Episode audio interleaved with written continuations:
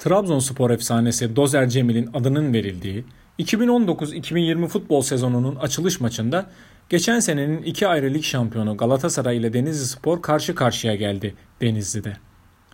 Galatasaray geçen yıl olduğu gibi yine golcüsünü transfer edemeden lig maratonuna başlarken bu kez bir de kulübede Fatih Terim yoktu.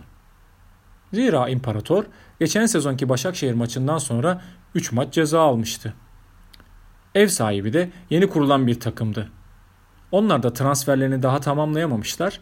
Takım olmak yolunda zamana ihtiyaçları vardı. Ligin açılış maçı olunca istatistikçiler için de bulunmaz nimetler vardı bu maçta. Sezonun ilk başlama vuruşunu Denizli Sporlar yaptı. İlk korneri ev sahibi kullandı. İlk penaltıyı Selçuk kaçırdı. İlk penaltıyı Stechovyak kurtardı. Galatasaray adına topla ilk temas eden Mariano oldu. İlk golü Recep Niyaz attı. İlk sarı kartı Oğuz gördü. Kırmızı kartla atı, ilk atılan futbolcu Marka oldu. Maşallah yok yoktu maçta. Hatta uzun zamandan beri Muslera ilk defa uzaktan gol de görmüştü kalesinde. İlkler demişken seri Jimmy Durmaz ve Babel dışında geçen yılki şampiyon kadronun aynısıyla sahaya çıkan ve birbirlerini tanıyan Galatasaraylıların karşısında yan yana oynadığı arkadaşının adını bile belki tam telaffuz edemeyen Denizli Spor olunca Galatasaray ilk 5-6 dakikada kolayca 3-0 öne geçebilecekti.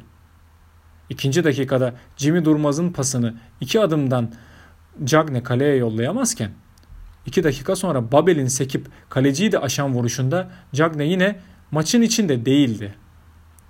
Sarı kırmızılılar yakaladıkları pozisyonlar sonrası biz bu maçı alırız diye gevşeyince ev sahibi ilerleyen dakikalarda dengeyi sağladı. Ama 25. dakika 25. dakikada Cagne ceza sahasında topla buluştuğu anda Oğuz tarafından ayağına basılarak düşürüldü. Önce hakem devam kararı verdi ve Denizli Spor tehlikeli bir kontraya çıkarak Marka olmasaydı az kalsın sezonun ilk golünü de atacaktı da top kornere çıkınca var hakemi uyardı. Maçın hakemi Abdülkadir Bitige'nin pozisyonu incelemesi esnasında aklıma bir şey geldi. Yayıncı kuruluşun bizlere o esnada var odasındaki monitörlerden izlettiği görüntüler hakemin izlediği görüntüler mi?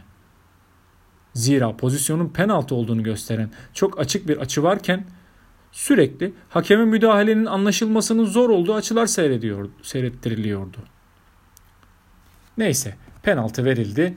Topun başına Selçuk geçti ve kaptan daha önce 11 metre vuruşlarını sürekli gol yaptığı tarafa değil de bir kez kaçırdığı köşeye attı ve yine kaçırdı. O esnada lig bittiği günden beri sosyal medyada kendisine her türlü hakaretin yapıldığı, takımdan gitmesi için bir sürü baskının oluşturulduğu, hatta işi ileri götürüp küfür dahi edilen Cagne geldi.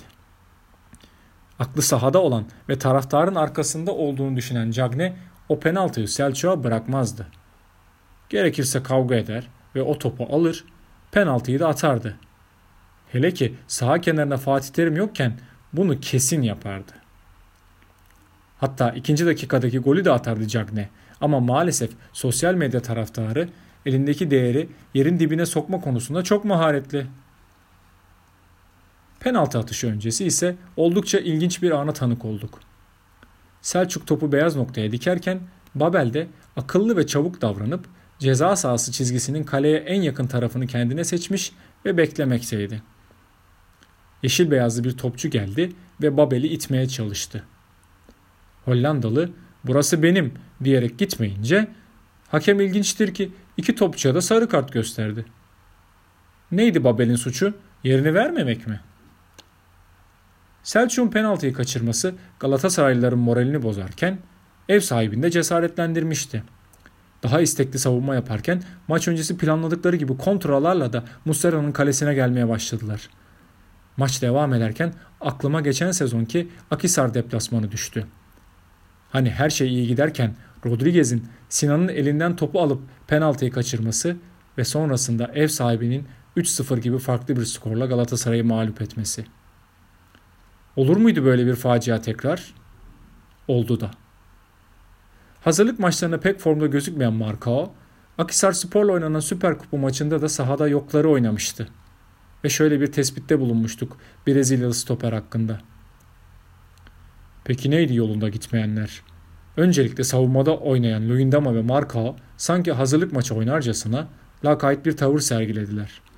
Özellikle Brezilyalı stoper neredeyse sahada hiç yoktu. Rakibini kaçırdı, hatalı paslar attı ve de son dakika ceza sahası içinde en yapılmayacak olanı yaptı.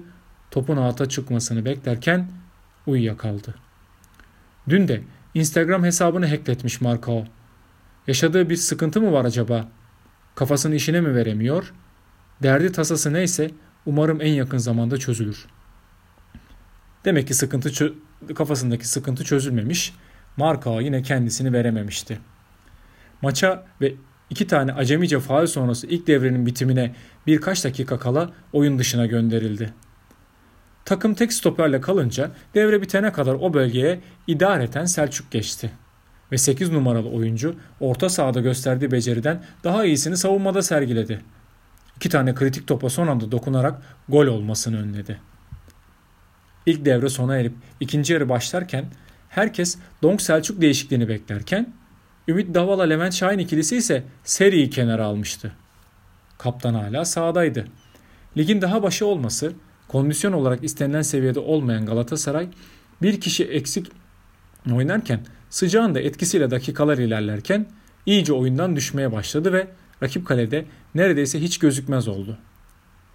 3 puan hesabıyla gelinen deplasmanda 1 puan bile kar sayılacakken orta saha ve savunma elemanlarının açık verdiği bir anda Recep Niyaz'ın uzaktan gelen golü beraberlik ümidini de bitiriyordu.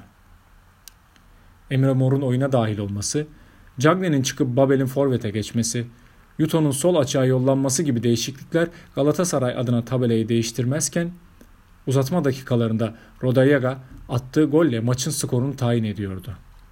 2-0. Maç sonunda ise Denizli spor tribünlerinde tatsız olayların olduğu haberi sosyal medyada yankılanıyordu. Cezalı olduğu için tribünde olan Hasan Şaş ve Necati Ateş maç boyunca çeşitli hakaret ve küfürlere maruz kalmış ve tribünden inerken taraflar arasında bir münakaşa meydana gelmiş. Olayların iç yüzünü bilmeden sosyal medya linççileri hemen göreve başlayıp Hasan Şaş'a yüklenirken Hasan da bu tepkilere dayanamayıp Instagram hesabından dün gece istifa ettiğini yazmıştı. Bereket, aklı selim Galatasaray taraftarı devreye girdi ve Hasan'a sahip çıktıklarını gösterdiler. Yönetim de bugün yaptığı açıklama ile kimsenin bir yere gitmediğini, 23. şampiyonluk yolunda hep birlikte savaşılacağını duyurdu. Hasan Şaş Galatasaray'ın ruhudur. Hasan Şaş bizden biridir.